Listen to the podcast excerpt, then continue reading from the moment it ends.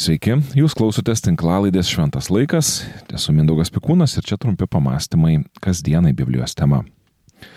Populiarios trilogijos motyvais pastatytas e, kino filmas pavadinimu Žiedų valdovas prasideda tokiais žodžiais. Tai prasidėjo, kai buvo nukalti didieji žiedai. Tris gavo elfai - nemirtingieji, išmintingiausi ir sažiningiausi iš visų būtybių. Septynis - nikštukų karaliai, darbštūs kalnakasiai, amatininkai kalno gelmėse ir devyni. Devyni dovanoti žmonių rasiai, labiausiai trokštančiai valdžios. Nes šiuose žieduose slėpėjo gale, siekis valdyti visas rases. Tačiau visi buvo apgauti, nes Mordoro šalyje lemties kalno ugnyse buvo nukaltas kitas žiedas. Tamsos valdovas Sauronas slapta nukalė tą kitą žiedą, kad jis valdytų kitus žiedus. Į tą žiedą jisai sudėjo savo žiaurumą, pyktį ir norą valdyti visą pasaulį. Tas žiedas kitų žiedų valdovas. Nuo to žiedo galios viena po kitos krito laisvos viduržėmio tautos.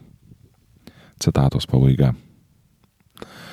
Džonas Ronaldas Ruelis Tolkienas pabandė įsivaizduojamame pasaulyje, pavadintame viduržėmiu, aprašyti šio pasaulio gyventojų kovą su blogiu.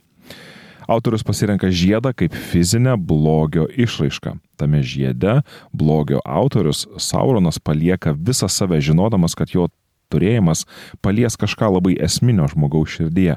Tai ne pinigai, savirealizacija, kūryba ar mėgstamas hobis. Ne. Tai valdžios siekis. Ir žmonės, pasak Žiedų valdovo trilogijos autorius, buvo labiausiai jautrus šiam troškimui valdyti. Galima šiuo kūriniu Žiedų valdovas žavėtis ar jo nekesti, tačiau negaliu nesutikti su šia išvalga ir labai įtaigiu šios problematikos aprašymu. Profesorius Tolkienas buvo krikščionis ir nesunku jo kūryboje išvelgti tas pačias idėjas, kurios yra aprašomos bei nagrinėjamos pačioje Biblijoje. Ir jei atvirai, tai profesorius taikliai pastebi, kad ši galios tema yra pagrindinis biblinio pasakojimo motyvas. Ankstesnėse tinklalaidėse dalinausi mintimis, jog pagrindai šiai galios temoj jau yra dedami pačiose pirmosiose Biblijos puslapiuose, skyriuose. Ir iš pradžių, kalbant apie dangaus ir žemės valdovus, ši tema yra tik išryškinama. Tada, žalčiui gundant Jėvą ir Adomą, ši tema yra paslaptingai atskleidžiama. Tačiau ketvirtame pradžios knygos skyriuje ši tema yra atskleidžiama be jokių užuolankų. Vyras pažino savo žmoną Jėvą, skaitau iš pradžios knygos ketvirtos skyriaus. Ji pastojo ir pagimdė kainą. Viešpaties padedama gavau berniuką, pasakė ji. Po to ji pagimdė jo broli Abelį. Abelis tapo aviganiu, o kainas žemdirbiu. Laikui bėgant kainas aukojo viešpačiui žemės derliaus atnašą, o Abelis savo ruoštų aukojo savo kaiminės rinktinės pirmienas. Viešpas maloniai pažvelgė į Abelį ir į jo atnašą, o į Kainą ir jo atnašą nepažvelgė. Todėl Kainas buvo labai piktas ir prislėgtas. Viešpats užkalbino Kainą. Dėl ko tau tai pikta? Kodėl esi toks prislėgtas? Jei gerą darai, argi nebūsi pripažintas? Bet jei gero nedarai, prie durų iš pasalų tykoja nuodėmė. Ji geidžia tavęs, bet tu gali ją įveikti. Kainas apsibarė su savo broliu Abeliu, kai jie buvo laukose, Kainas pakilo prieš savo brolį ir užmušė jį. Pradžios knyga ketvirtas skyrius pirma aštunta eilutės. Iš šios istorijos konteksto nelabai aišku, kad buvo kažkas negerai su Kaino auka. Greičiau, istorijos autorius pastebi, kad viešpats maloniai pažvelgia į Abelį, ir į jo atnašą, o į kainą ir į jo atnašą nepažvelgia. Tai yra, kad Dievas pažvelgia pirmiausiai į žmogų, o tik tais tada į auką. Ir pažvelgęs į žmogų, į kainą, Dievas, na, ir į Abelį, Dievas parodė savo palankumą Abeliui. Ir akivaizdu, kad kainui tai nepatiko. Galimai šis nepasitenkinimo kirminas ir buvo tai, kas buvo ne taip su kainu. Tačiau tas kirminas dar buvo tik mažas graužikas, kuriam kainas turėjo galę. Dievas ateina pas kainą su perspėjimu. Dėl ko tau tai pikta, klausė jo Dievas. Kodėl esi toks prislėgtas? Jei gerą darai, argi nebūsi pripažintas, bet jei gerą nedarai, prie durų iš pasalų tykoja nuodėmė. Jie geidžia tavęs, bet tu gali ją įveikti.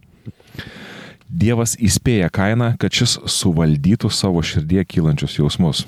Jie tykoja, lyg koks liūtas. Kainas tapo pažeidžiamu užsikrėsti pavydu, kad kitas gauna tai, kas turėtų būti lyg ir jo teisė ir nepasitenkinimu, kad Dievas yra per daug geras kitiems. Juk Kainas buvo pirmagimis, kuriam yra patikėta būti šeimos tradicijų tiesėjų ir privilegijų bei palaimų gavėjų. Dabar atrodo jisai supyksta, kad Dievas įvertina ne jį, o vėliau gimusi jo brolį Abelį. Nuodėmė pirmą kartą kilusi dangaus angelo širdie dar įgaus tūkstančių veidų, tačiau panašu, kad pasakojame apie Kainą ir Abelį matome nuodėmės ryškiausią bruožą - pavydą dėl to, kad Dievas iš savo gerumo palaimina ir tuos, kurie, na, galima taip pasakyti, ateina pavėlavę.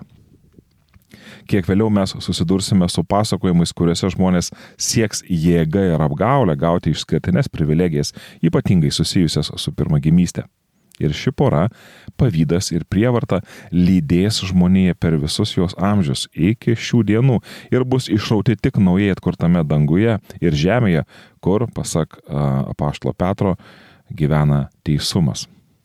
Tačiau pirmiausia, nuo šio pavydo ir siekio būti pranašesniu turi būti išgydyta mūsų širdis dar šioje žemėje. Širdise tų, kurie apgyvendins Dievo naujai atkurtą tobulą realybę ir kurie užpildys visą žemę, sukurdami visuomenę, kurioje bus lenktyniaujama tarpusavio melėje ir nebeliks kovos, nebebus pavydo dėl kitam suteiktų palaimų ir neliks noro išsikelti aukščiau kitų.